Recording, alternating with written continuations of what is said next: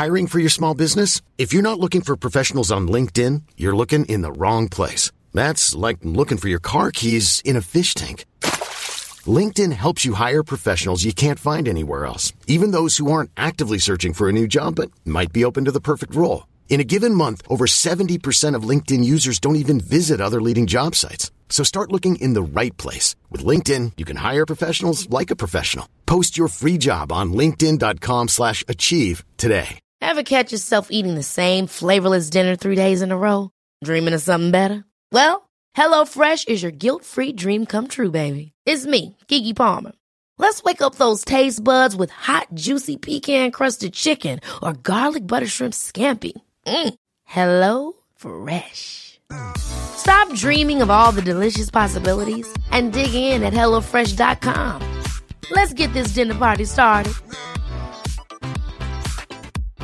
Hey, Dave. Yeah, Randy. Since we founded Bombus, we've always said our socks, underwear, and t shirts are super soft. Any new ideas? Maybe sublimely soft. Or disgustingly cozy? Wait, what? I got it. Bombus. Absurdly comfortable essentials for yourself And for those facing homelessness. because one purchased equals one donated. Wow, did we just write an ad?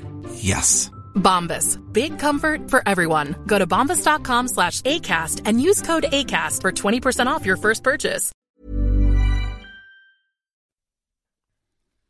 Ho, ho, ho, Øystein. Ho, ho, ho! Det er første juledag og tid for Scootspod. Ja, er du mett og god?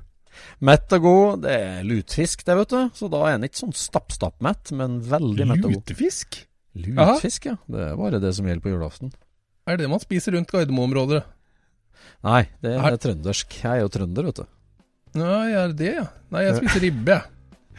Ja ja, du er som de fleste. Jeg er bare halvtrønder, jeg, vet du. Ja, du, Klæbøgg. Ja, er du klar for å kjøre pod, da? Ja, jeg er det. Vi har et mysterium å løse opp. Vi har et mysterium å løse, og det passer fint nå første juledag. Mm. Kom igjen.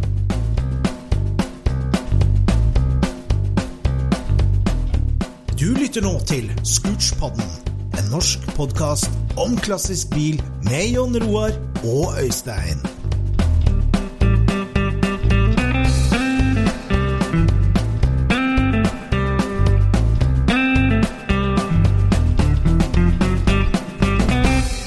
Ladies and gentlemen, velkommen til årets siste episode av Scootspodden. Det er vel episode 54, ikke Jon Roar? Det stemmer. Tenk på det, 54 uker i strekk med deg. Da er du effektiv, altså, når du klarer å ta én uke fri, og så klarer å komme ut med 54 likevel. Ja. Nei, det, ja.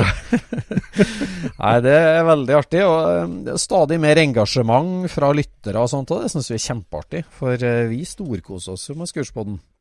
Ja, ja, vi har det moro. Vi har det moro. Men du eh, ordna jo tidenes julegave til deg sjøl, gjorde du ikke det? Jeg fikk den jo ikke i går, da. Nei, Men, men, eh, det, det er jo ferskt, i hvert fall. Ja, ja, det er ferskt. Jeg fikk jo tips fra en lytter. Ja. Fader, er ikke det her sånne felger som du har liggende, Jon Roar? Og hvis rakkeren var det det. Det var fire kliss strøkne Japp 1967-felger. Ja. I Da er, vi, da er vi på ur-Porschen i Norge, eller eh, Kjell Gudims mørkegrønne 911. Ja. eh, som eh, tok Norge med storm, og han kjørte Japp-felga. Han gjorde det. Han hadde jo selvfølgelig fire, men det er bare to igjen av dem. Og de har jeg jo liggende. Ja. Men der mangler jo senterlokket, og de er jo ikke fine. Dem har du hatt liggende under senga di så lenge jeg har kjent deg, har ikke det? Eller? Nei, vet du hva, det har de ikke gjort, altså. De, eh, de har vært litt sånn stemoderlig behandla, syns jeg. Jeg kjøpte de jo Det er jo litt sånn interessant, ikke sant. Jeg kjøpte jo de i 2000. Og da, da kjøpte jeg de bare for at det var eh, Borsebolt-mønster, og at fyren eh, Ja, han sa jo det at eh, de satt på den Porscha som Gudim kjørte grusbane med, sier han. Ja. Ja vel. Det er jo sånn som hvem som helst kan si, egentlig. Ja. Så jeg, eh, jeg registrerte det som et stort kanskje, ikke Ja. sant? og det varte jo helt til Trond Skia gikk bort. Jeg husker ikke Ja. hvilket år det var, men det var det 2017, eller? ja, det husker ikke jeg. Der omkring, i hvert fall. 17 Ja. eller 18 eller sånt noe. Mm. Da dukka det jo bilder av, opp på skjermen fra depotet på Gardermoen-løpet. Mm. Og der står jo Porscha med de felgene på, og da var det vips, sant. Ja. Da rykka de fram i kjelleren. ja. og nå har du også funnet et sett til. For du har jo trodd du hadde de eneste i verden, har du ikke det? Ja, det har jo virka sånn, i hvert fall. For at eh, alt jeg har klart å finne av eh, eh, den boltsirkelen, har jo vært av MK2.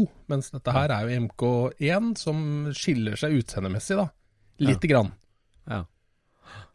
Men plutselig så var det jo en svenske da, som hadde en 912, eneiers 912 med sånne felger på, og de skulle han ikke ha. Fy flate. Og det var jo ingen som beit på, vet du, annet enn én gæren nordmann, da. For den var annonsert på blokket, var ikke det så? Ja, de hadde ligget på blokk i, i en halv uke, de, når jeg fikk tipset. Fy søren. Det, ja. det er rart i disse kan si, tidlig 9-11-tider at ingen napper Ja, Men det er jo ikke en 911-felg. Altså, Den eneste grunnen til at dette her er gøy, er at det er kobla til den guding-greia. For ellers er det jo bare en stygg felg, liksom. Nei, den er ikke stygg, men at Nei, den er den jo, men han er mer, pen, liksom.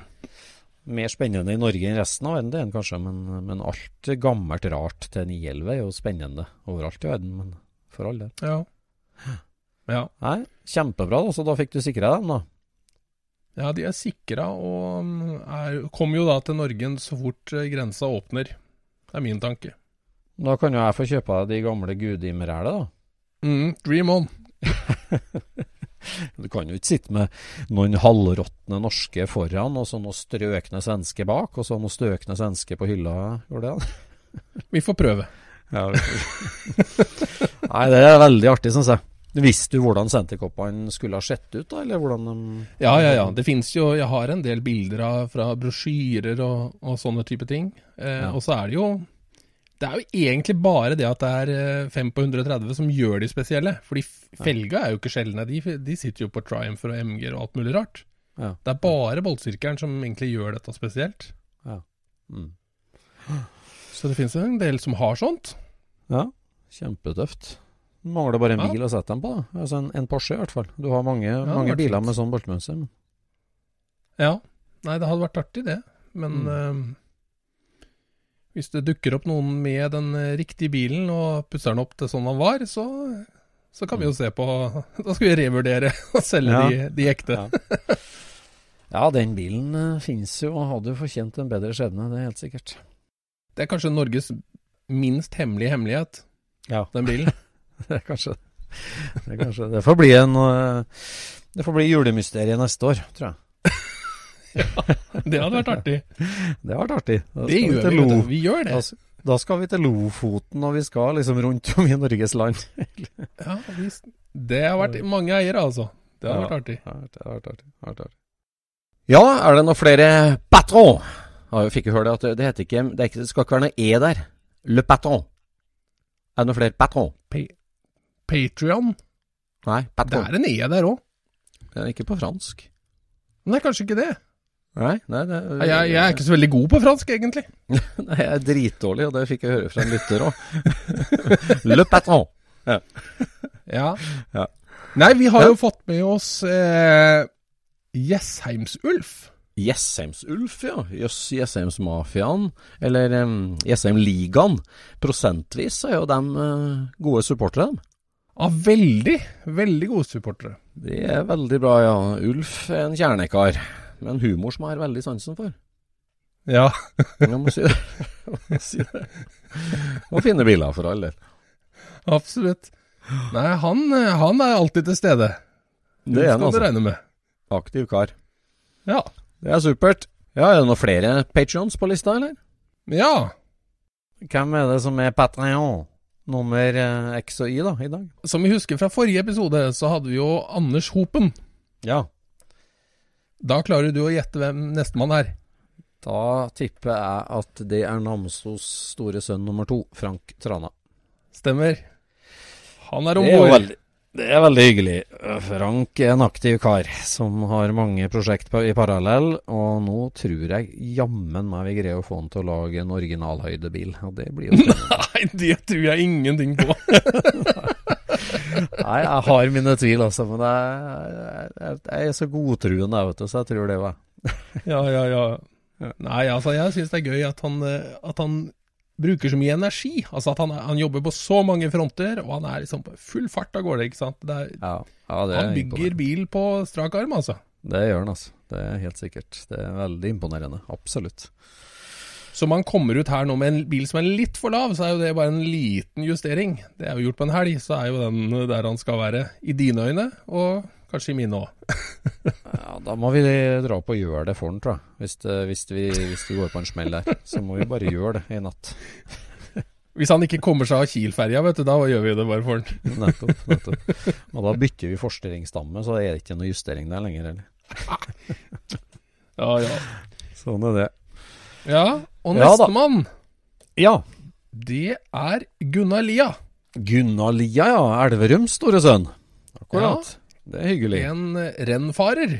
En rennfarer, ja det er lenge siden. Rennfarers. Det var en Ja, er det så lenge siden? Ja, det var en, det var jo en liten gjeng med hardcore gutter. Ja, stemmer det. Ja, Gunnar han har vært med i alle år, gitt. Og mekka og skrudd og holdt på jevnt og trutt hele veien. Ja, fader, jeg har jo Jeg tror jeg hadde med han å gjøre før 2000 òg, jeg. Yes. Da var han en ung kar, altså. Ja, det var tidlig, da var det tidlig ut. Ja. ja han øh, Det har vært mye interesse i Elverumsområdet og, og på ja, delvis Østerdalen òg. Så det er fint, ja. Er det igjen noe av rennfarersklubben, da, egentlig? Han er rennfarer, han, kanskje fortsatt. Han er rennfarer. Ja, Og så har vi jo eh, vår kompis Rune. Det er jo litt rennfarer fortsatt, han òg. Ja, det er jo det. Det, det er sant. Det er sant. Ja ja. Nei, men Så da skal hjelper vi det på. Så hvis det er flere som har lyst til å støtte, så er det bare å gå inn på patrion.com. Da er det bare å gå inn på patreon.com. Det er det. Etter du da har handla nyttårsgaver hos folkevogn.no. Ja, absolutt. Sånn er det. Mm. Nei, men da er det vel på tide da, å kjøre i gang del tre av Scootspoddens julemysterium. Ja, det er jo det folka sitter og venter på. Ja, vi har fått en del tilbakemeldinger og innspill, altså. Det er veldig artig. Eh, får vi gå gjennom litt av dem, tror jeg, før vi går videre i historien. Mhm. Det gjør vi.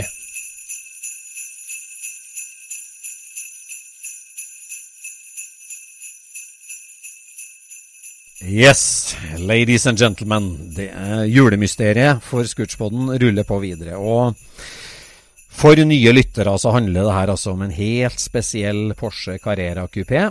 Som eh, levde et liv i Tyskland før den kom til Norge, før den ble slakta og delt opp. Der eh, motoren levde videre et liv i en racerbil, RJ 1500, og bilen levde videre et liv med folkevognmotor. Og så på et punkt så blir racerbilen og motoren dele skillelag. Eh, RJ 1500-bilen ruller videre med folkemotor, og Porsche-motoren eh, lever sitt eget liv. Og nå har vi nøsta opp i to av de her tre mysteriene. Vi har nøsta opp i hvor ble det av motoren, og hvor ble det av eh, racerbilen RJ 1500. Eh, og da har vi ett mysterium igjen. Da sitter vi der og lurer på hvor blei det av karrierene. Ja. For der er skjedde det jo noe i forrige episode. Der skjedde noe i forrige episode. Vi må, eh, litt, nå har vi fått en del innspill og spørsmål fra forskjellige lyttere. Og, og det er en par ting som, er, som vi må ta en liten sånn eh, recap på. Eh, det er flere som har merka seg det at det er jo et hull i historien på RJ 1500-racerbilen fra den går sitt siste løp på Leangenbanen i 273 eh, blir solgt til jordebil oppe på Heimdal i 475.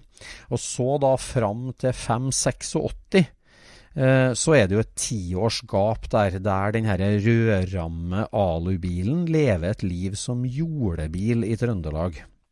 Mm. Og eh, han reiser jo etter hvert da fra Heimdal uh, og byen og oppover mot Oppdal, uh, og ender da opp uh, på et jorde bak en låve rett nord for Oppdal. Og da er det jo det, det som vi snakka om i forrige episode, med at eh, Jan Arthur Iversen blir gjenforent med bilen, kjøper den hjem til Sarpsborg og restaurerer den opp igjen. Eh, Der er det jo en eh, kar som har en veldig viktig rolle, og det er vår, vår venn Hans Petter Havdal. Mm. som jo er en veldig ihuga Porsche-fantast, og det var han òg på 80-tallet. Da var han en ung mann. Han tok diplomgraden sin på NTH i Trondheim.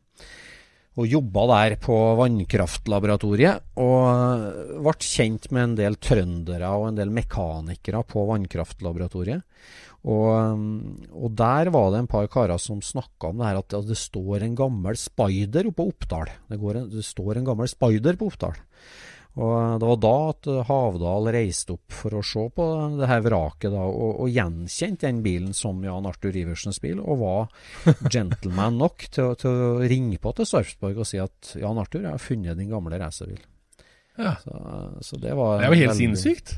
Hva er oddsa for at vi kjenner han? Ja, oddsa Ja. for at du kjenner han. Det er jo helt uh, mye større enn mine, i hvert fall. Men uh, Ja, det det var syns jeg er gøy, altså. Veldig artig, og veldig stort gjort, syns jeg, å, å gjenforene bilen med, med byggeren og eieren. Så det, det var en eh, veldig artig ting. Og det, det finnes jo faktisk noen bilder fra det, og det var jo veldig verdifulle bilder når jeg fikk se dem her av bilen i, i funnskikket, kan du si. På, Mm. Men jeg river meg jo enda mer i det tynne håret mitt over at jeg ikke greide å finne den sjøl. Men jeg, var litt for ung. Så Ja. sånn er det. Ja, for å fortsette på historien, da, så husker vi fra siste episode at noen spora bilen etter skiltene, og når de kom fram, så fant de en utrusta 62-modell, var det det? Det stemmer. det stemmer. Det her var jo de eh, tidlige Porsche eh, Norge-pionerene som hadde nøsta i chassisnummer og prøvde å oppsøke egentlig alle 356-er i Norge. Og skjønte jo at det her var et veldig spesielt chassisnummer. Det her var jo før 30-årsregelen i Norge, sånn at det var jo de 356-ene som fantes i Norge. De hadde jo vært i Norge eh, ganske lenge. Ja. Og det som eh, Det som den her Altså når de kom fram til bilen, det var en 62-mæl, opprusta blå, eh, sliten B-modell. Eh, som de kjøpte eh, og dro med seg hjem, kan du si, den, eh, den bilen med skiltene på.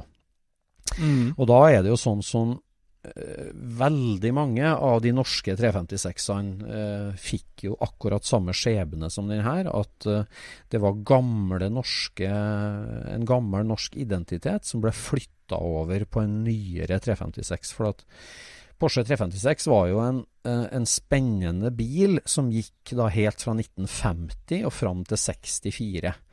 Eh, Mm. og, og sånn som med bobler eller andre modeller som går ganske uendra, så er det liksom det vanskelig for et utrent øye å se forskjellen på en 52-mæl og en 62-mæl.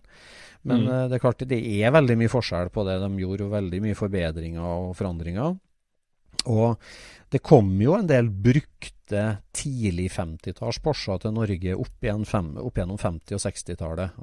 Mm. som var slitne svenske biler forskjellig. Og, og mange av dem ble registrert på norske skilt, og ble senere da eh, kan si oppgradert i hermetegn da med at, eh, med at uh, identiteten ble brukt på nyere biler som ble tatt inn i deler og forskjellig sånt. Så jeg har jo forska veldig mye på, på de tidligste Porschene i Norge, og det er jeg vil si over halvparten av dem som har vært i Norge tidlig på 50-tallet, de har eh, gjennomgått den samme skjebnen eh, som den Ok, ja vel.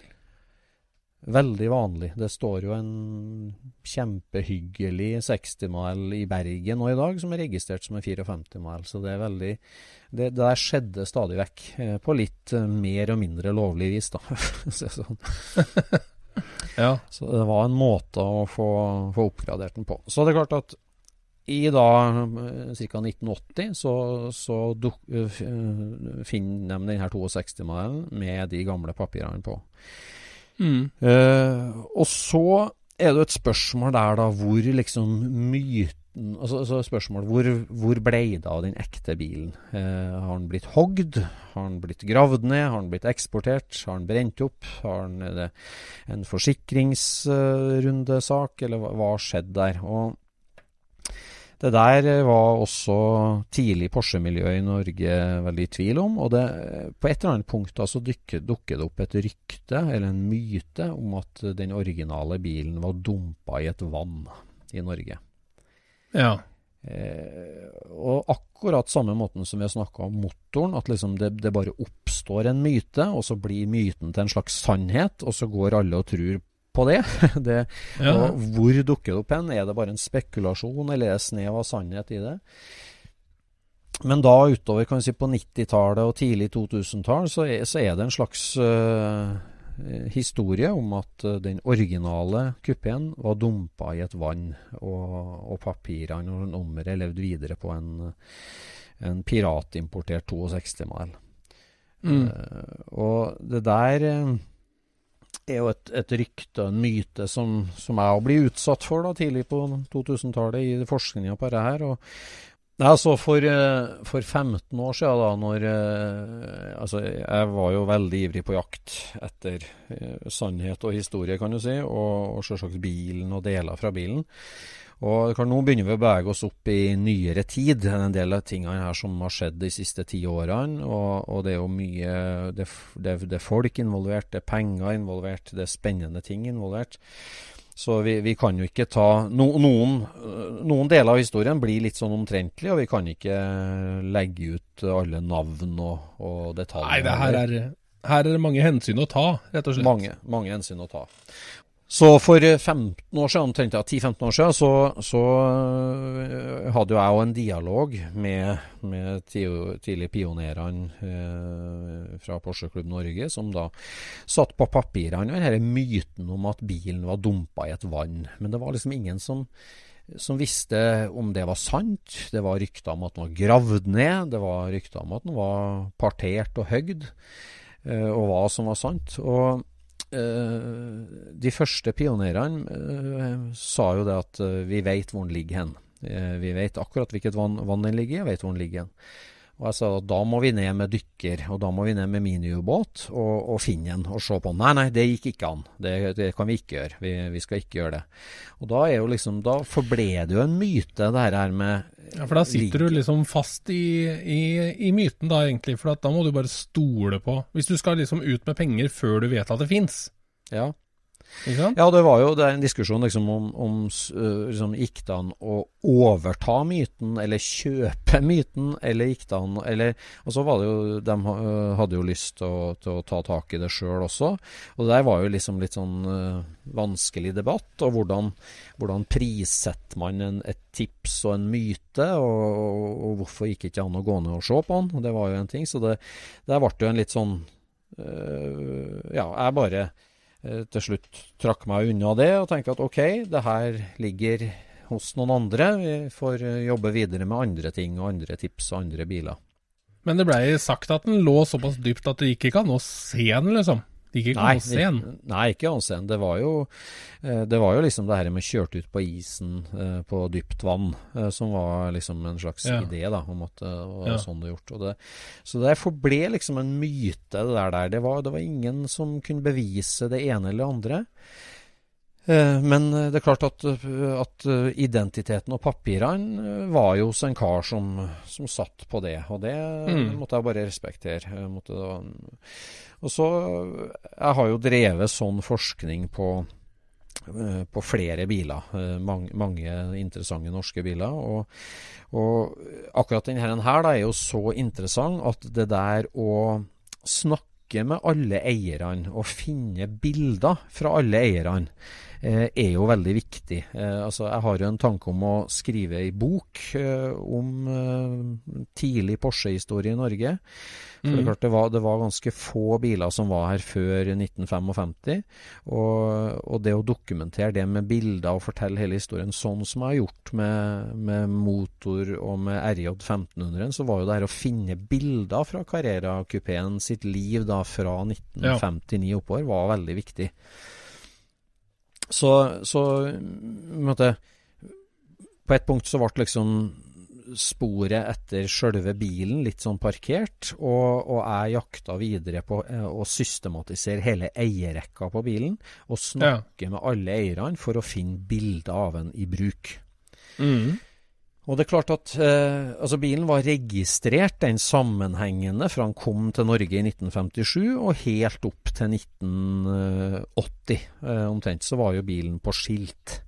Ja. Og på et eller annet punkt på de 20 årene så skjer det jo det at eh, den gamle skrotten forsvinner, og, og, den nye bilen får uh, den gamle identiteten. Ja. Og på et eller annet punkt så skjer jo det. Uh, og jeg, uh, med hjelp av motorvognregisteret og gamle notat, begynte å nøste da i hele eierhistorien. Og det der er jo en stor jobb, for du, du må på mange biltilsyn. Du må følge chassisnummeret gjennom en hel masse regnummer, masse eiere. Og denne bilen òg var Eh, den var uregistrert i lange perioder. Den var bytta mot en båt på et punkt, og det ga han bort til lakkereren min, for han hadde ikke fått lønna si den måneden. Og det var mange rare historier som de eierne fortalte Ja, da, om. ja. eh, Og jeg fikk tak i mange hyggelige bilder. Men, Men skifta han også farge, eller åssen var det der? Ja, han skifta farge blå før etter? Nei da, han var jo mørkerød først, og så ble han hvit med ei rød fartsstripe midt over taket. Ja. Og så, var han, og så ble han blå på et punkt. Da. Ja. Og, og det er klart at øh, og, det her er jo liksom også sånn at det er veldig vanskelig å spørre en 80 år gammel kar at liksom den Porschen du eide i 1964, eh, var det en 55-modell, eller var det en 62-modell? Eh, var det sånn og sånn dashbord? Hadde den to eller tre instrument? Eh, hadde den Nardi-ratt eller vanlig ratt? Det er vanskelig for folk å huske på. Men jeg fikk jo tak i bilder. Jeg spør jo alltid har du gamle bilder. Jo, jeg har noen fotoalbum sånn og sånn, jeg skal skanne det for deg, eller du kan komme hjem og besøke det. Så jeg reis, har reist rundt og vært gjennom mange fotoalbum. Fått tak i mange bilder av en underveis. Men absolutt Men tok du det kronologisk, eller åssen gjorde du det der? Tok du bare hvem som helst som tok telefonen, eller hva var det? Nei, jeg jobba jo kronologisk, da, for så vidt. Jeg starta, jeg starta med, øh, med nyeste først, da, og jobba meg bakover, kan du si. Ok. Så derfor Ja. så de første Eller jeg starta vel litt fra begge kanter, egentlig. For at jeg, jeg starta også hos søstera til Jan Arthur, og, og liksom den historien der. For at eh, den, hun, hun selger jo den videre da i 62 allerede, og mellom 62 og 72 så hadde han vel ni eiere. Og fra 72 og oppover så har han også en seks-sju eiere, så det var mange å, å innom, da. Og Ja. Eh, og får tak i bildene. men de fleste bildene er jo da fra en blå 62-modell med hvit pinstriping på. Okay. Eh, som man da gikk som oppover på, på 70-tallet. Og så, når jeg har vært rundt og samla bilder og sånn, så, så spør jeg jo på en måte hva, hva det Prøver å finne ut hva det er den nye eller gamle bilen. Og så er det jo det spørsmålet som jeg på en måte regna med at ingen ville ha svar på, da. Var det du som bytta identitet på den? Nei. Eh, og, og alle sa jo nei, nei, nei, jeg kjøpte den av han og solgte den til han, og det var en bil sånn og sånn. Ja. Og Jeg tenkte jo at det får jeg aldri alle finner aldri ut av. Ingen vil innrømme det, at, eh, at eh, det blir gjort et sånt bytte på et eller annet punkt. da. Nei. Men så er det da en høstdag i 2015-2016 omtrent jeg var kommet langt ned på eierrekka. For at det her er ikke bare å sette seg og ringe, for du må øh, Hvem kjøpte du den av, hvem solgte du den til? Eh, så var det en høstdag i 2015 at jeg kom til en kar på, i Hønefoss-området. Og det der er jo veldig pussig, for det at alle Porscher i Norge har vært innom Hønefoss. Eh, alle har et søskenbarn på Gjøvik, men Hønefoss er et slags episenter for eh, gamle Porscher av en eller annen grunn. Veldig rart å forstå, men sånn er det. altså. Eh, Snakka med en eldre kar i Hønefoss-området. Ja, du har hatt sånn sånn Porsche? Ja, det stemmer. skjønner du. ja. Har du noen bilder av henne og sånn? Nei, jeg har ikke noen bilder av henne. Vi tok aldri bilder på den tida. Vet du. Jeg var kjøpt og solgte mye biler og greier, og det, det var sånn det var. Ja, det var jo dumt, liksom, men uh, var det sånn at du kjøpte den av han og han? Og ja da, jeg kjøpte den av han og han, det gjorde jeg, men du vet, det var jo en fullstendig opprusta bil. Altså, det var masse jobb på den bilen. Så jeg, ja, på et eller annet punkt så ble, jo, ble den jo oppdatert veldig, den bilen, og, og, og papirene flytta over på en nye bil. sånn. Kjenner du noe til det? Ja ja, det var meg, det. Vi kjørte hjem en blå 62-mil over grensa fra Sverige, og den eh, ble oppgradert. Da hadde jo den gam... Den andre var jo kjemperåtten, vet du. Sliten. Det var helt opprusta i bånn og bare hang og slang. Så, så det var jo var ikke verdt det, den jobben der. Jeg skulle bare fikse den opp og selge den videre, tenkte jeg. Og så hadde jeg en kamerat som eh, studerte nede i Gøteborg. Og han tok med seg en 62-mæler en sein natt eh, over, og da var det jo gjort. det. Vi tok den med til Biltilsynet og fikk skilte på den, og, og den ble solgt videre. Den levde lenge etter det, den. Gikk fint, den bilen. ja, det stemmer. Men hva skjedde med, hva skjedde med skrotten? Ja, det men, hva- men hva skjedde da med den gamle Brynder? Liksom, hvordan var den? Nei, altså, den var jo kjørbar. Vi greide jo å kjøre med den, men den var jævla øst. Men nei, den dumpa jeg i et vann. What? Gjorde det? Dumpa den jo? Ja, ja, det gjorde jeg. Det, den, eh, den forsvant, så den, eh, den ligger dypt, så den er borte. What? Er det sant, sier jeg liksom. Ja.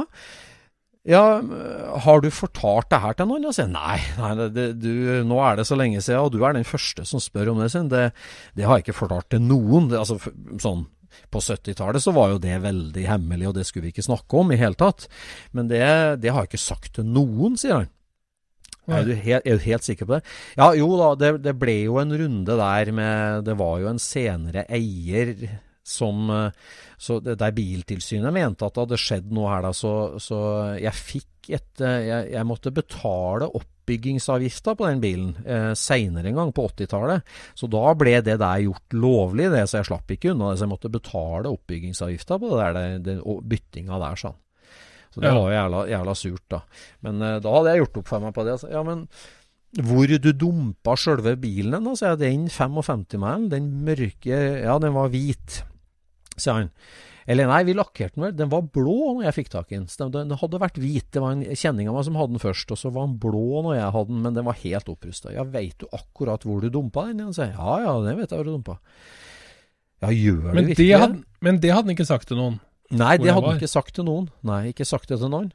Så sier jeg, er det virkelig sant? Og da er det jo to brikker som ramler på plass. Det ene er jo det at uh, det var ikke en myte. Altså, det var sant. Den var dumpa Ja. i et norsk ferskvann.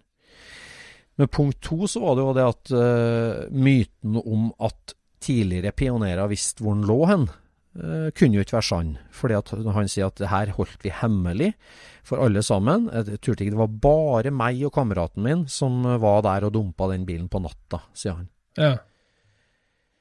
Da tenkte jo jeg For det er liksom, ikke, det er ikke det, og da er det jo ikke den ishistorien heller, ikke sant? For da har de jo Nei. Du, kan, Det- du dumper den jo ikke på, en- på en natt på, ved hjelp av ismetoden.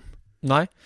Nei, det, det var jo Altså, du kunne ikke dumpe den. Du kunne ikke sette den utpå et islagt vann og vende, altså, mens hele bygget da så på den i to måneder før han smelta og datt ned. Du, du ville jo bli kvitt den her, for å si det sånn. Ja.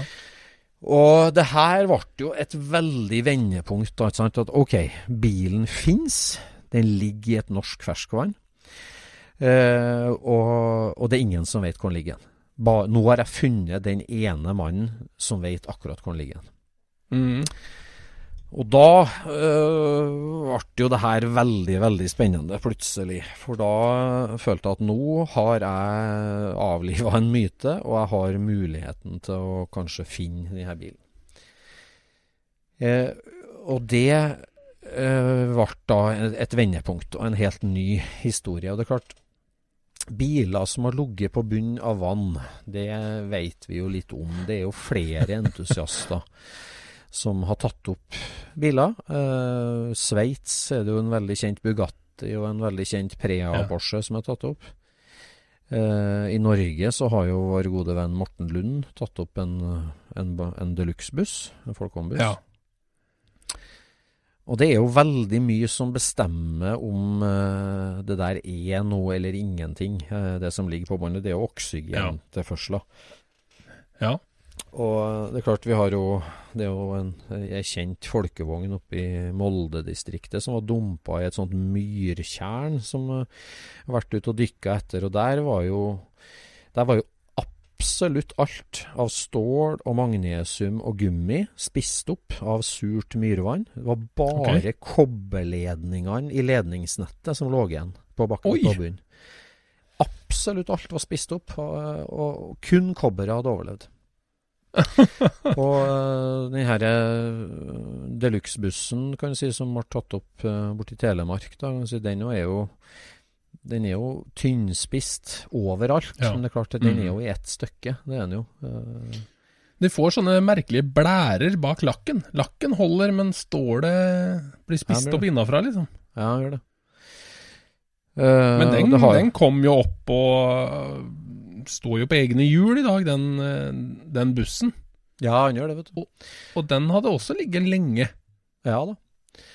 Og så er det den svenske Volvo brøytebilen ikke sant, som ble tatt opp og, og restaurert. og den har jo vært Fykenbilen, er det den? Ja. Mm. Ja. Så det er klart at eh, det går an, men det her var jo veldig eh, Veldig avhengig av grunnforhold og, og lufttilgang, da. Det her er risky business, Øystein. Å holde på med det her. For nå, Ja, det nå begynner det å koste penger, og det, det, du, det du finner, eventuelt, Ja. Det er ikke mye å ha, kanskje. Nei, det er akkurat Skal det, litt flaks. at Hvor mye skal du liksom investere for? Og så er det klart at eh, det første da som starta vinteren, eh, vinteren 15-16, det var jo det der begynne å undersøke, eh, altså få tak i sjøbunnskart fra det aktuelle vannet. For det Mhm. der er ganske godt eh, systematisert i Norge. Det er en sånn svær undersøkelse på 60-tallet. De kjørte rundt med båt og søkkesnøre og, og kartla bunnforholdene i eh, ganske mange innsjøer i Norge. Så via Kartverket så fikk jeg tak i det, og da For at der er det jo et spørsmål det her med altså hvor ligger den hen, og i, altså hvor i vannet. For at eh, grunn, det, altså jeg ville jo sikre litt at jussen var i orden her, for at eh, grunnforholdene er jo sånn at uh, det er jo grunneieren uh, ved land som eier et visst antall meter ut i vannet. Ja. Og det her er definert av merrabånd, som det kaller. Altså det er hvor langt ut en hest kan vasse og drikke vann. Det, det er en slags rar, gammel definisjon på hvor langt ut i et ferskvann en grunneier eier. da. Ja. Så finnes det fersk... eier til og med merrabånd, liksom. Til og med merrabånd, ja. Men så finnes det ferskvann i Norge også som er regulert at grunneierne eh, er enige om at de eier ut i sjøen til ei midtlinje midt i sjøen. Og det Ja. handler jo veldig mye om eh, altså allemannsrett og fiskerettigheter. Altså kan du selge fiskekort til en sjø f.eks., så er det grunneierne som eier sjøen. Ja. Og, og det her med ja, allemannsretten kontra grunneierrett da, står jo sterkt i Norge, og det der måtte jeg sette meg ganske mye inn i. og eh, Det første jeg gjorde da, var jo at jeg tok meg fri fra jobb en mandag, etter jeg snakka med vår venn fra Hønefoss, Ja. og dro sporenstreks til det, den vannkanten der det her hadde skjedd. da. Og uh, vår venn fra Hønefoss fortalte om det her. Han, han, øh, han hadde en kamerat som bor rett i området, som visste at her var det stupbratt ned til sjøen, og det var kjempedypt i vannet. Det var en Ja. fjellside som på en måte stuper ned i vannet, og som fortsetter da mest sannsynlig under vannflata. Ja. Uh, han hadde kjørt bilen, den var opprusta, det var folkevognmotor inn, den var sliten og dårlig. Eh, men den hadde, han hadde kjørt den dit på natta. De hadde Mm. kjørt, eh, eh, og da stilt seg opp. Det var ikke autovern. Nå er det jo en smal asfaltvei som går opp i fjellsida der. Det er Mm. autovern, svært autovern på utsida. Men Da var det her en grusvei, og det var ikke noe autovern i det hele tatt. Det var mye mindre skog og vegetasjon ned mot vannet. Og de hadde kjørt den dit, de hadde møttes. Kameraten kjørte en annen bil, så de skulle komme seg derifra. Han stilte bilen på tvers av grusveien, med Mm. fronten mot vannet. Han øh, eh, starta den opp. Han la en stein på gasspedalen som, som rusa seg skikkelig. Han hadde en plang rulla ned førervinduet, førerdørsvinduet. En planke inn gjennom vinduet og holdt ned kløtsjen. Satt bilen i første gir. Knyta ei beltereim ned øh, fra rattet og ned i setet, så rattet skulle holde seg rett fram. Og sto da på utsida der med full rus på den gamle, slitne 1200-motoren. Og slapp ut kløtsjen med pedalen. Og bilen bykser av gårde. Rett på tvers av veien og stupe nedover fjellskrenten og treff vannflata med et brak. Der ryker Norges første Carrera eh, rett i vannet. Han Der er han vekk. Flonten flyter liksom litt, og, og han liksom bremser brått opp. eh, får sikkert litt skader idet han treffer vannflata der. Og liksom synker litt ned, driver litt utover, men blir egentlig liksom hengende igjen i noen steiner helt nedi fjæra der, eller i strandkanten. Og han kameraten og, og fra Hønefoss-karen vår, de tar seg ned. Det, her, det er en sånn eh, Ikke, ikke en fjellside. Det er ur, Det er ur, liksom. Ja, veldig det er bratt ur. Veldig bratt ur, ja. Med, noe, med noen små greiner på. Så de klatrer liksom ned, og går ned til vannkanten og setter rumpa mot en stein og begge beina sine på bakfangeren og gir den et ekstra dytt. Og får den liksom akkurat utfra, og da blir det blobb, blobb, blobb, blobb, blobb så synker den ned. Og, og forsvinner i dypet. Midt på natta en vårdag i 1973, omtrent. Ja. Og der ligger den. Og eh, som sagt, da, så var det her her med, med grunneier, merrabånd, eh, og det ble jo eh, Så se på, se på da det dybdekartet, så det er klart at rett utafor denne steinura så, så går det veldig bratt nedover i det her sjøen. Det er helt tydelig på kartet, så er det, det er en bratt skråning som går veldig fort fra Altså du skal ikke langt ut fra land før du er på 20 meter, før du er på 40 meter. Så flater du ut til nærmest ei sånn litt sånn fjellhylle på ca. 50 meter dybde. Og så Mm. er det altså et stup der det her er en av Norges djupeste innsjøer. Der det er 200 meter dypt. Det er kjempedypt utafor den Ja. fjellhylla. Ja. Og det var jo selvfølgelig spørsmålet hvordan i huleste har denne bilen da gått ned? Har den liksom sunket ned til bunns rett ved stranda nærmest der? Har den seila langt utover? Har den seila så langt ut at den var utafor den hylla og egentlig da tapt for alltid? Det Mm. var jo det store spørsmålet der. Og det var jo rundt disse tider du ringte meg. Ja, det var jo en veldig spennende sak, og måtte jo innlemme for både som diskusjonspartner og, og at vi måtte jobbe videre med det sammen. For det, det var jo så spennende historie, og det var jo en så vanskelig situasjon da, på en måte når, når eh, si papir og 62-mæl var ett sted, og, og restene og, og vraket var ett sted. Og det er klart, når han Hønefoss-karen ikke hadde snakka med noen om hvor det var hen. Og for meg så var det jo sånn Ok, da her ligger det et vrak. På samme måte som jeg hadde gasserne liggende hjem, så var det i hvert fall en, en ny bit. Eh, Ja, så du kan liksom se på det som ligger der som en sånn conversation Ja, piece. Bare ha, ha Nei, det var jo liksom, fan- på en pall i et hjørne, liksom. Ja, det er jo sånn eh, de her bilene har blitt. De sånne Bugattien som var tatt opp i Sveits. Den står jo hos Ralph Lauren-museet i Los Angeles. Så den står jo akkurat som den kom opp. Ikke sant? Det er jo Ja, ikke, ja, noe, ja. det er ikke noe liksom det her at den må på skilt igjen, det er jo ikke så viktig. liksom Det var jo Nei, nei, det er jo Her er- spennende historie. spennende historie. Så, så klart, øh, avklart litt der med grunneierforhold. øh, Fikk tillatelse øh, både her og der for å, for å begynne å søke etter bilen. Og det er klart han Hønefoss-karen var jo med, viste akkurat hvor det her var. Det var mellom de her bjørkene, det var her den gikk ut, alt der. Og så ja, kom jo du inn i historien, Jon Roar, og vi begynte å diskutere hvordan går vi fram for å, for å finne den, og for å heve den. For at den lå der, var vi jo helt sikre på. Det var jo bare Ja. det hvordan skal vi få den opp? Og, og, og regna med at vi skulle finne den ganske lett, egentlig. Det, så, så fremt han ikke hadde gått utafor stupet der, da. Nei, jeg husker veldig godt det der eh, når du, når du ringte og vi prata om denne her, eh, ja, sinnssyke planen, egentlig. og jeg måtte ta meg en, eh, en ferie da, for vi trang jo dagslyset. Dette her var jo på høsten. Og da sitter jeg da og så kjører eh, oppe mot eh, Hønefoss-området med redningsvest ved sida av meg. Da tenker jeg, hva er det vi driver med, liksom? Hva er det vi driver med? Det her er dritgøy, og det var jo ikke en sjel du kunne si det til. Nei.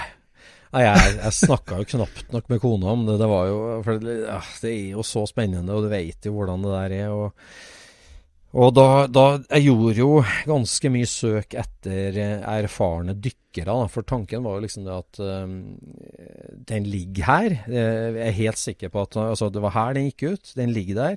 Uh, Vi må gå, gå rett på dykkere og heving. Vi må ta med oss uh, uh, Så da, etter en del søking i dykkermiljøet, da, så fant jeg et firma nede i Grimstad som, som var erf veldig erfaren med å heve stort sett båter. Da det er veldig mye forsikringssvindla båter Ja. som blir senka rundt om i, langs norskekysten. Og det er en del firmaer som spesialiserer seg på å heve det, og, og stort sett så er jo det eh, ballonger, heveballonger, de bruker.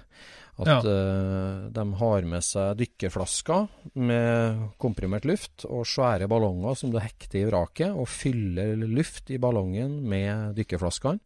Mm. Eh, og, og flyter opp til overflata. Tauer den flytende skrotten inn til land, og har ei kran på, i strandkanten som, vann, som ja. løfter den. Ja. Så det ble jo det ble jo ganske fort planen her òg. At eh, basert på dybdekart, basert på, på hvordan det så ut grunnforholdet, så gjetta vi at den lå på 25-30 meter. Ja. Og det her er dykkerfirmaet fra Grimstad. Da, da var det litt eh, diskusjon om når de kunne være med. Så vi er jo nå på høsten 2018 når vi når du tok deg fri fra jobb, og jeg tok meg fri fra jobb, og, og de tok med seg en godt utstyrt dykkerbåt opp fra Grimstad på henger. To dykkere, fullt utstyrt, masse luft, og de var jo forberedt på å gå dypt. En, en, et vanlig sertifisert eh, kan si, fritidsdykk, eh, skråstrek eh, arbeidsdykk med bare to folk, da, går jo ned til 30-32-35 meter som sånn absolutt maks. Ja. Skal du over det, så er du i sånn dypdykksegment, og da må du ha trykkammer og masse flere dykkere og være mye mer forberedt, kan du si. da. Ja. Eh, Så da dro vi av gårde. Da kom eh, Grimstad-ekspressen opp med, med båt henger, på henger. Fullt utstyrt. Og hørte jeg var jo veldig ambisiøs, så jeg stilte jo med, med henger. Eh, hadde med meg sånn vogn, så jeg tenkte bilen kan jo ikke trille, så vi setter den ned på ei sånn firhjula bagasjevogn. Krana var eh, bestilt, da. Krana var bestilt, en svær kranbil eh, som skulle komme opp eh, på kommando da, og løfte den på land, liksom. Ja. Og jeg hadde ordna tillatelse fra grunneieren, som hadde, hadde en sånn lita småbåthavn rett ved det, der vi fikk lov å sette ut dykkerbåten, og der vi fikk lov å, å løfte på land bilen. ja. Og eh, så var det jo denne diskusjonen som jeg og du holdt på veldig mye med, med hvordan Altså, ligger bilen opp ned? Ligger den på sida? Ligger den på hjula? Eh, ja. Hva det- kan man løfte i? Ja, hva man kan løfte i. Hvor er det fast land? Det er jo et sånt hovedspørsmål. For at, eh, og så klart, er det fullt av mudder og gjørme? Er det bare taket som stikker opp? Eh, Ja. Kommer du til Juland? Og en 356, en helt opprusta 356, det er jo som en geléklump. Det er jo Ja, ikke ja. fast land noe sted. Nei. Eh, Så Og så var det liksom å prøve å bedømme Kan det være mye mudder i et sånt vann. ja. Altså sånn eh, det, her var, det det var mange nye temaer som vi drev og drodla rundt der, altså.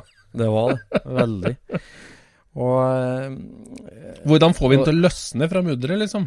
ja. Få, få poppa den opp. Vi kan ikke liksom dra i taket til at, eh, til at det løsner. Du må jo liksom få lirka den litt løs. Ja, og der er du inne på et veldig sentralt tema. Da, for at du kan si eh, lufta utvider seg jo eh, Havtrykket gjør jo at den ballongen er veldig liten når den er langt ned, og så utvider den seg jo på ti meter utvider den seg ved én gang, så vidt jeg husker. Sånn at du på en måte Ja. du har Nå husker ikke jeg akkurat den Arkimedes lov med oppdrift og, og, og vanntrykk, skal vi si, men det er jo det det handler om at hvis du, hvis du pumper opp en ballong på 40 meters dyp, og den begynner å stige, så vil den lufta utvide seg og utvide seg. Ballongen blir større og større og større, og du får mer og mer oppdrift. Så farta på den båten øker, eller det, det du hever, da, den øker voldsomt mot toppen. Så dess dypere du er, dess, eh, dess mer Um, utvidelse av løfteballongen får du, da, dess lenger opp du kommer i vannet. Og det der var det der er et sånt veldig avveining. Da, for at Gitt at den bilen satt fast i gjørma, så må du fylle ballongene ganske full for å få nok kraft til å nappe den løs. Og med en gang den napper løs, så trenger den mye mindre kraft for å bare flyte oppover.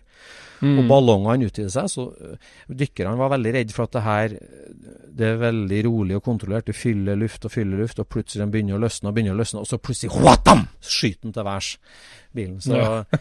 så det der var, det var en veldig stor bekymring. Så det som øh, jeg fant på da, da, det var jo at vi skulle bruke sånne brannvesenballonger eh, under bilen. At, for brannvesenet har jo med seg når Hvis brannvesenet kommer ut eh, på et ulykkessted og skal løfte opp en velta buss, f.eks., så har de noen sånne svære gummimatteballonger på en måte som de sklir innunder bussen.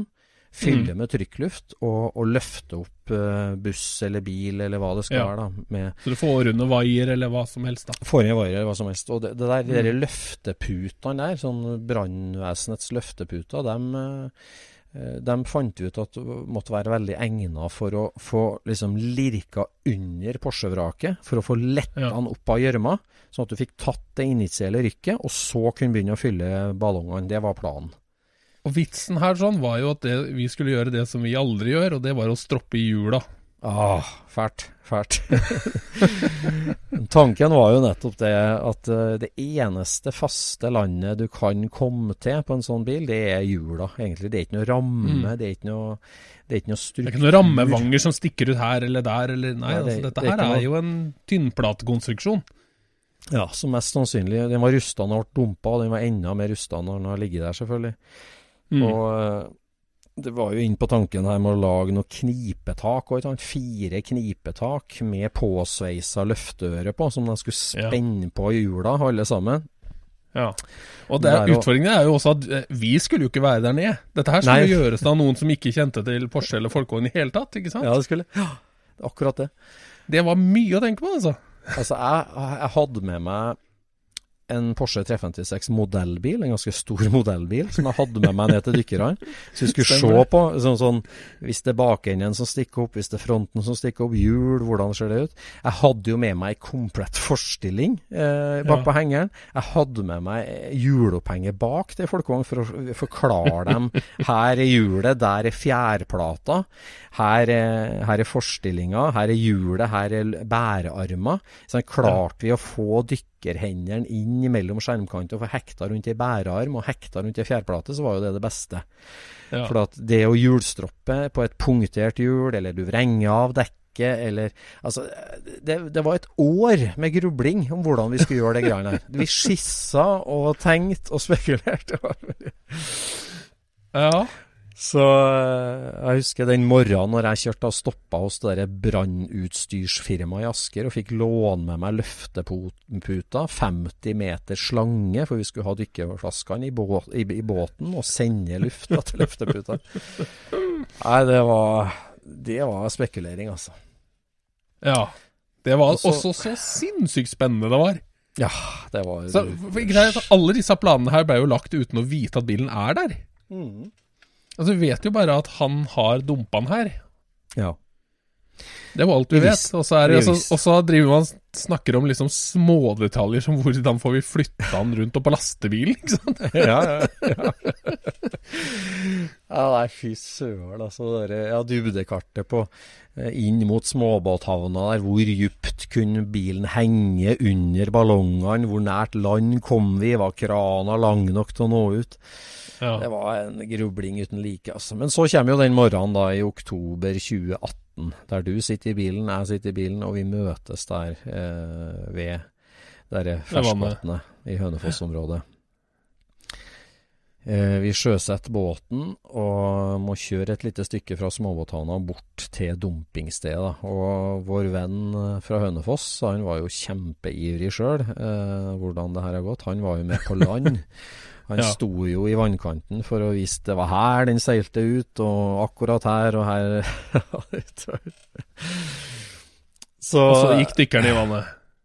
så gikk dykkerne i vannet. Og eh, vi hadde Ja, hvor begynner vi igjen? Det, det var jo et veldig Vi, starta egentlig Tanken var det at vi, vi, start, vi, vi, vi går ut til 30 meter, eh, så dypt de kan være. Går rett ned der, rett ut for der eh, vi visste han var dumpa. Og starta på 30 meters dyp og, og gikk innover mot land, rett og slett. Eh, det, det var jo første tanken. Ja. Og begge dykkerne gikk i vannet, det var dypt, og de eh, kom opp igjen etter kort tid. Så det er veldig lite sikt. Eh, Det er dypt, vi, vi skal gå ned, og de, de gikk ned. Og Men de fant, jo, de fant jo en del greier. Helt Ja. inne ved land, der fant de jo eh, Ja, hva var det for noe alt sammen? Det var en lastebil og Det var Ja, litt nå- forskjellige greier som vi Altså, det første- Og de ble jo veldig gira.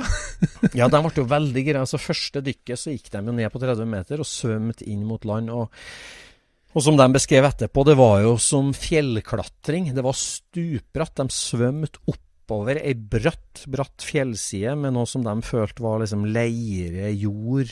Eh, liksom, de, Ja. de svømte oppover der. Og det var veldig vanskelig å se når de så bare en par meters bredde, og fikk jo bare til å svømme liksom én strek inn. Men de kom da inn mot land, der det var et lite sånn platå på fire-fem meter dypt. Der fant de jo mange biler. Der fant de en Opel Kaptein, de fant en gammel båt, de fant to lastebiler, en Austin og en Ford. Og de hadde jo kamera på hodet, Uh, og, og vi fulgte jo med på iPaden, og det var jo veldig spennende når det begynte å dukke opp bildeler. Uh, overraskende nærme land, egentlig. Ja, ja.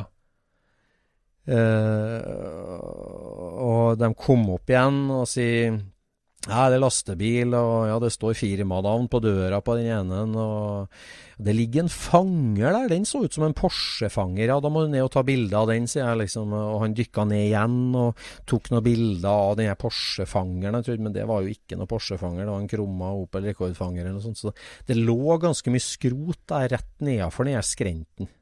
ja, det gjorde det. Så det var helt åpenbart at uh, det der har vært en litt sånn dumpingplass, og at det antagelig var en Det sa jo vår venn fra Hønefoss òg, at det hadde jo kommet Han hadde jo hørt det at det har vært dumpa biler der både før og etter, kanskje som var dumpa utafor skrenten der. Så det Mm. var jo litt uh, Men det var ingen spor av Porschen inne ved land der i hele tatt. Eh, der lå de andre bilene, men det var ikke noe spor av Porschen der. Og vi Vi ble Eh, jo bare da- ivrigere og ivrigere, ikke sant? Ble Det ble jo mer og mer spennende. Og dykkerne òg var jo så ivrige. Og det her er jo Det, det var, det var dypt. Det, og de brukte jo surstoff som tusen. Når du dykker dypt, så bruker du opp tankene dine veldig mye fortere enn om du dykker rundt. Så vi hadde jo med oss mange dykkertanker, men det er begrensa hvor dypt de kan gå med på dykkerklokka si på hvor, hvor lenge. Og det ble jo en kamp om dagslyset etter hvert òg. Mm. Eh, det, det vil jo helst ikke dykke når det er mørkt. Og vi søkte øh, flere runder. Eh, til slutt så var dykker, sa dykkerklokka stopp. Du kan ikke dykke mer dykkemeter i dag. Og, og det, var, det var stopp. Og, og vi, vi fant ikke Porschen. Nei, vi gjorde ikke det. Og da var jo de ned til 3, eller 2-3-34 meter på det dypeste. Og de søkte liksom litt sånn i vifteform da, ut ifra dumpingstedet. Men vi fikk jo slett ikke søkt så mye vi hadde ønska, for, eh, for tida gikk fort, og det er masse utstyr. og det var jo Ja. så spennende. Det tar lang tid å så komme til skudd òg, liksom. Det er jo ikke bare å hoppe i vannet. Det er mye Nei. greier. Mye greier. Og det er klart, det her var jo et profesjonelt firma, så all HMS-en og sånt var jo ivaretatt, kan du si. Så det var eh, Det var Det var utrolig spennende dag, og, Ja. og utrolig trist å kjøre hjem med tom henger, da.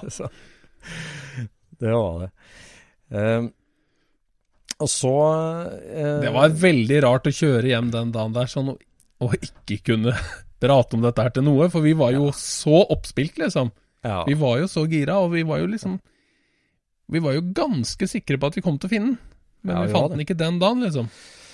Nei, og begynte å se på dybdekartet igjen, da, ikke sant. Og liksom, OK, har han kunnet flyte øh, flytte så lenge at han har seilt ganske langt ut før han traff bånd, og har han da kommet utafor det her stupet? Det var jo liksom det store det spørsmålet, altså. Eh, Mm. var han tapt for evig tid, egentlig, med å, å ligge på 200 meter? Og dykkerne fikk jo helt blod på tann, så de var jo veldig ivrige. Og, og, og reiste hjem og fikk lånt seg avansert ekkolodd. De fikk lånt seg undervannskamera som tar opp 360 grader, som du kan henge ned fra båten. da Bare kjøre i sikksakk over og filme med. Ja. Og jeg eh, begynte jo da å lete opp eh, en sånn ROV, at vi fant ut at vi må ha det for å kunne gå enda dypere. Og der er det jo et firma i Trondheim som lager Blue Eye Robotics. De lager det som er en sånn slags verdensledende eh, drone-ROV, da. Mm. Veldig kurant liten sak, så jeg, jeg snakka litt med han teknisk direktøren der, og fikk eh, påvist en sånn superbruker på Østlandet som var veldig flink til å drifte som Blue Eye ROV. Og så styrte vi inn at vi skulle tilbake da ei helg eh, om en par uker etterpå, med mye mer kamera, med ROV som støtte, og en enda større dykkerbåt som hadde noe vindskreier og forskjellig. Eh, og da ble datoen satt da til Det var vel i månedsskiftet oktober-november, var ikke det i 2018 omtrent? Når vi skulle tilbake igjen på Jo. andre søk. Jo. Det begynte jo Vinteren eh, sto og banka på døra, på en måte. Ja, vinteren sto og banka på døra, og jeg følte jo liksom at uh, nå må vi komme til bunns bokstavelig talt. Ja. Da hadde vi jo fått uh, film fra dykkerne. Hadde jo hodekamera på begge dykkerne og fikk jo masse bilder av de lastebilene og den Opelen og alt sammen. Og det satt jo finstudert det på PC-en da etterpå. I mange runder for å se om vi så noen rester etter Porschen eller noen deler, eller hadde den rusta helt opp, liksom. Du hadde ingenting igjen. Var det et av de der gamle Lå girboksen igjen der et sted og sånn, så det var jo veldig villere der. Og jeg satt timevis og grubla og så på de videoene og filmene. Men plutselig, på Facebook Ja. Og det der er jo så rart, vet du. At plutselig på Facebook, på, på ei, ei av de veteranbilsidene, så dukker det opp et undervannsbilde av en eh, Ford lastebil.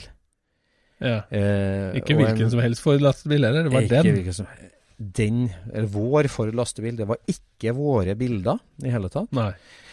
Eh, men det var helt klart den samme bilen. Og det var en, en, en fremmed i bilmiljøet som eh, la ut de her dykkebildene. Er det noen som vet hva slags årsmodell Ford det her er?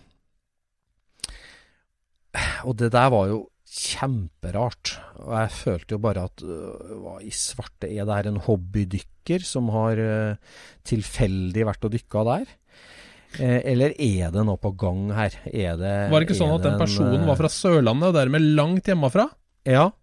Den personen som stilte spørsmålet, var langt hjemmefra. Og jeg kasta meg på en gang. Og sånn øh, Det var spennende dykking. Driver du med dykking på bil og greier? Og han svarte mer og mer kryptisk, og til slutt så var hele posten sletta, og alle bildene borte, og han svarte ikke på noen forespørsler i hele tatt. Nei. Og da fikk jeg ordentlig hjerteklapp. Sånn, hva er det her for noe? Er det, har vi en konkurrent i eh, søket etter denne sjeldne bilen? Er det, hva hva er det som er på gang her nå? Ja. Eh, det der var veldig rart, og jeg ble veldig nervøs. eh, Men klarte liksom å overbevise meg at det her måtte bare være en hobbydykker som dreiv i vannkanten der og kanskje har hørt om at det var en dumpingplass og at det var spennende. Veldig rart. Veldig mystisk. Eh, Så kom jo da den helga vi skulle eh, dra av gårde igjen for vårt søk nummer to. Jeg hadde ROV-operatøren fra Oslo klar med sin, og vi skulle møtes og, og bruke to dager i det ferskvannet. Ja. Så ringer Grimstad-ekspressen og sier at uh, her er det snø. Det er is på veiene i Grimstad. Vi kan ikke kjøre båthenger med den kjempestore dykkerbåten vår når det er så glatt. Nei. Det går ikke. Og eh, da ble det jo stopp. Da ble det avlyst. Eh, ROV-mannen eh, kom ikke. Jeg og du kunne dra på jobb i stedet for å dra i redningsvest. Ja. Da ble det november, og det ble snø og mer snø. Og etter hvert så ble det is på vannet vårt. ja. Og helt umulig å gjøre noe dykk i hele tatt. Og det Føltes som en lang vinter. en lang vinter. Ja. Og, øh, det, og det, var, det var fælt å ikke komme i land der. Og det er klart, det, det herre spørsmålet om er det noe konkurranse her? Er det, er det, er det noen andre altså Hvorfor dukka de dykkerbildene opp? Det var noe som gnagde meg veldig. Så hadde vi en plan om å starte i påska 2019. At Ja. vi skulle tilbake og, og gjøre det søket. Og så var det påskeferie, og det var på fjellet, og det var fin vinter, og det var vanskelig for eh, oss alle egentlig å få en par dager fri fra, fra familiepåska. Ja. Eh, så påska gikk, og, eh, og så er vi da på en, en Da er vi jo kommet til type slutten av april, tidlig mai 2019. Eh, så sitter jeg på jobben på kontoret, og så mm, ringer telefonen fra et fremmed nummer hos meg. Og så er det en fremmed person som tar telefonen, og så sier han eh, ja, eh, jeg har hørt at du er ekspert på gammel Porsche. Jeg lurer litt på en, en spesiell motor som har vært i Norge. Eh, sin, en, eh, en Carrera-motor, Uh ah. sier han. Eh, ja vel, jeg tenker du på 9501 da, sier jeg. Ja, det stemmer. Altså motornummeret, da. Det stemmer. Ja vel. Eh, hvorfor søker du etter den du, da, sier jeg. Liksom. Jeg skjønner jeg har bilen som den har sittet i. Og da ramla verden litt i hodet på meg. Eller eh, takflata litt i hodet på meg. Og det var en veldig rar telefonsamtale, og en veldig eh, Og så spør Ja, har du, har du funnet bilen? Har du heva den, liksom? Ja. Jeg har funnet den og heva den. Og det der var jo en veldig rar følelse for meg. Og på et punkt da så ble jeg jo eh, veldig glad fordi at eh, bilen fins. Og at, Ja, ja, ja. at, at, at liksom his, altså den, den hadde ikke falt ut i djupet. Uh, den var ikke helt opprømt. At den fins, uh, og, og den er kommet opp. Eh, Det ble jeg veldig glad for. Men klart, sånn personlig så ble jeg veldig skuffa for øh, at, øh, at noen andre eh, hadde fått det til. Eh, og jeg ble jo veldig nysgjerrig. Og, men, men først og fremst så må jeg si at sånn bilentusiasthjertet mitt ble veldig rart. for at eh, mannen i den andre enden av telefonsamtalen var åpenbart en ressurssterk kar som har, som har, som har store planer for bilen, og, og, og at den på en måte havna i et sånt setting, er, var, ble jeg veldig glad for. Og jeg ble jo veldig nysgjerrig på på å se han og, og snakke med han og forstå historien. Hvordan i all verden kunne det her eh, sammenfalle sånn i tid, og hvordan hadde de funnet fram til den? For jeg trodde helt ærlig jeg var den eneste i verden, bortsett fra vår venn fra Hønefoss, som visste hvor han var hen. Ja. Eh, og det viste seg jo det at den hadde jo ligget akkurat der vi var, men den lå litt lenger ut og litt for dypt til at en vanlig dykker kan finne. Bilen lå på 47 meter. Eh, og det, det er jo sånn da at de karene som på 70- og 80-tallet eh, fant den andre bilen med registreringsnummer og papir, eh, og, og også myten om at den var dumpa i et vann, eh, hadde jo også jobba videre rundt den myten. Og det er klart at eh, det her har vist seg etterpå da, at var en sånn halvkjent dumpingplass for eh, bilvrak fra tida før vrakpanten. Og Ja. etter vrakpanten så var det en litt sånn lokal, eh, halvtvilsom bilopphugger som òg hadde brukt den dumpingplassen. Så en del av de lastebilene vi så på det, var nok noe forsikringsprosjekt, en del av de lastebilene. Og eh, i søken rundt det der, så hadde da den her lokale bilopphuggeren eh, snakka om det at eh, han visste om en dumpingplass for bilvrak i det aktuelle området. Og, og da, da, da starta et søk også eh, for den her nye eieren, eh, som starta med ROV, og, og fant den på 47 meters dyp. Og, og heva den altså påska 2019. Eh, uten at jeg visste om det. Uten at, eh, at jeg, altså Det var bare det ene bildet der som gjorde at jeg hadde en slags følelse at det var en slags konkurranse på gang. Eh, men jeg hadde jo aldri trodd at det der eh, skulle gå sånn. Men, men når det er sagt, så er jeg veldig, veldig glad for at, eh, at den finnes, og at den er kommet opp. Men har du sett den, Øystein? Jeg har det, vet du. Jeg ble invitert eh, tvert, og fikk se på han. Og, eh, og eh, han, altså Åssen Det var føltes det? Nei, det, jeg, må, jeg må si det at det, det var mest uh, glede. Altså for, for, for meg så har liksom den derre forskninga og, og leitinga uh, Altså ja, det er jo liksom det der å, å, å finne biten i puslespillet. Det er å være på jakt etter de mysteriene. Og liksom endelig så Der er den! Den fins. Den er her. Eh, Ja. Jeg må si da at den gleden var større enn eh, at, at jeg ikke eide den sjøl, altså. Jeg må si det.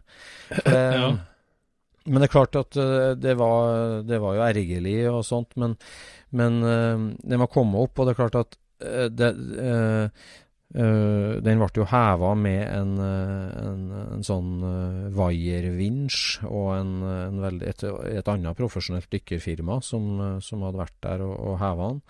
Uh, jeg vet ikke helt hvordan det foregikk og hvordan det gikk an, men det er klart at bilen bærer jo veldig, veldig preg av å ha vært uh, under vann veldig, veldig lenge. Og Mm. også at den var vanskelig å heve. Det er ikke noe tvil om. Men, eh, men at det er den bilen, og det råeste er jo ja, de, de doble tenningsbryterne, som er et sånt veldig karakteristisk sak på dashbordet.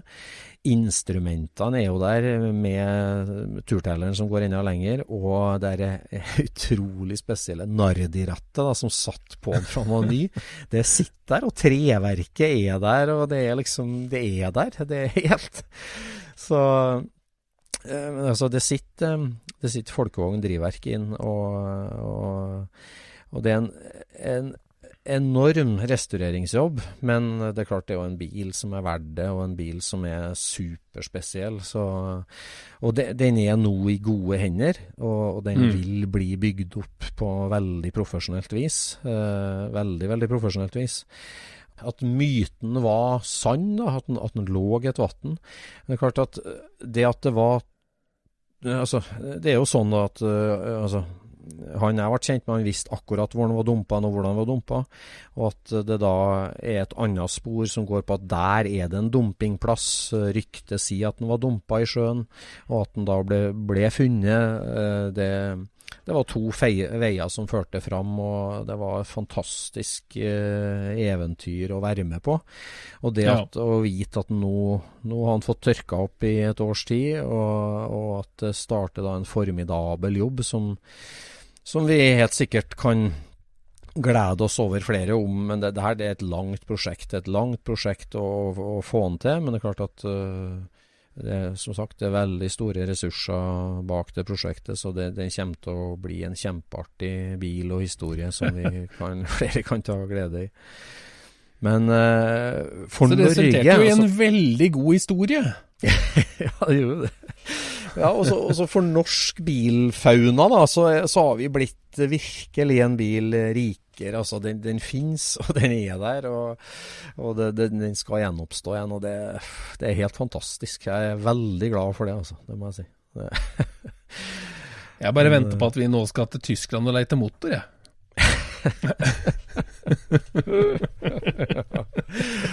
ja, det, det er ikke løst ennå der, altså. Det er en løs tråd der, det det. Men eh, at, ja. Det, det, det er ikke for hvermannsene, for den er i et miljø som vet akkurat hva det er for noe. For å si det sånn. Det er jeg Ja. helt sikker på. Må bare bytte en enebolig for å få den. Jeg kommer ikke så langt med det heller. Nei, gjør Ja, kanskje ikke gjør det. gjør det.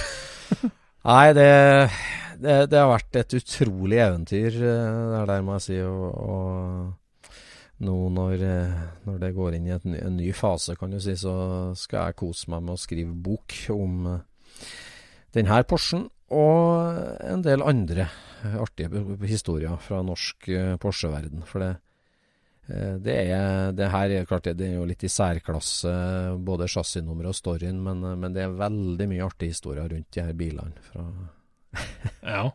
ja. så du Ja. blir, med på ny, blir med på ny dykkerrunde, du. Ja, jeg, jeg er klar når som helst. Uff, ja. Sånn er det. Ja. Jule, alt har en ende, også juleevangeliet fra Scootspoden. ja. Nei, jeg syns det ble en bra historie. Den, var, eh, den hadde vært vanskelig å fortelle på én episode, denne her. Ja, det har vært det. det, har vært det. Da tror jeg bare vi nøyer oss med å ønske alle lytterne ei god, god romjul, og så tune inn til Scootspod-episoden som kommer Ja. på nyåret. takke alle for at de har hørt på i år, og så får vi håpe at, eh, at de kommer eh, med oss inn i fremtiden og ber med seg venner også. Godt nyttår! Godt nyttår. Scootchpoden produseres av SSC Media, med god hjelp av VV Norge og Trond Dahl for hosting, Knut Micaelsen for musikk. Abonner på Scootchpod via podcaster eller Acast, og følg Scootchpod på Instagram og se det vi snakker om. Der kan du også komme med kommentarer og innspill, og fortelle oss hva du vil høre om.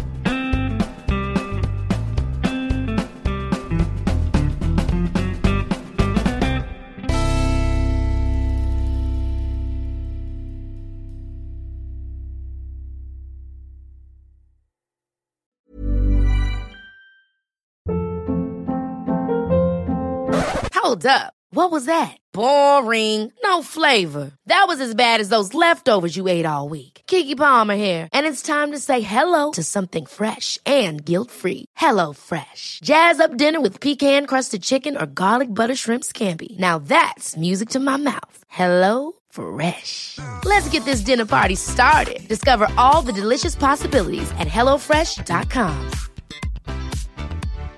When you make decisions for your company, you look for the no-brainers. And if you have a lot of mailing to do, stamps.com is the ultimate no-brainer. It streamlines your processes to make your business more efficient, which makes you less busy.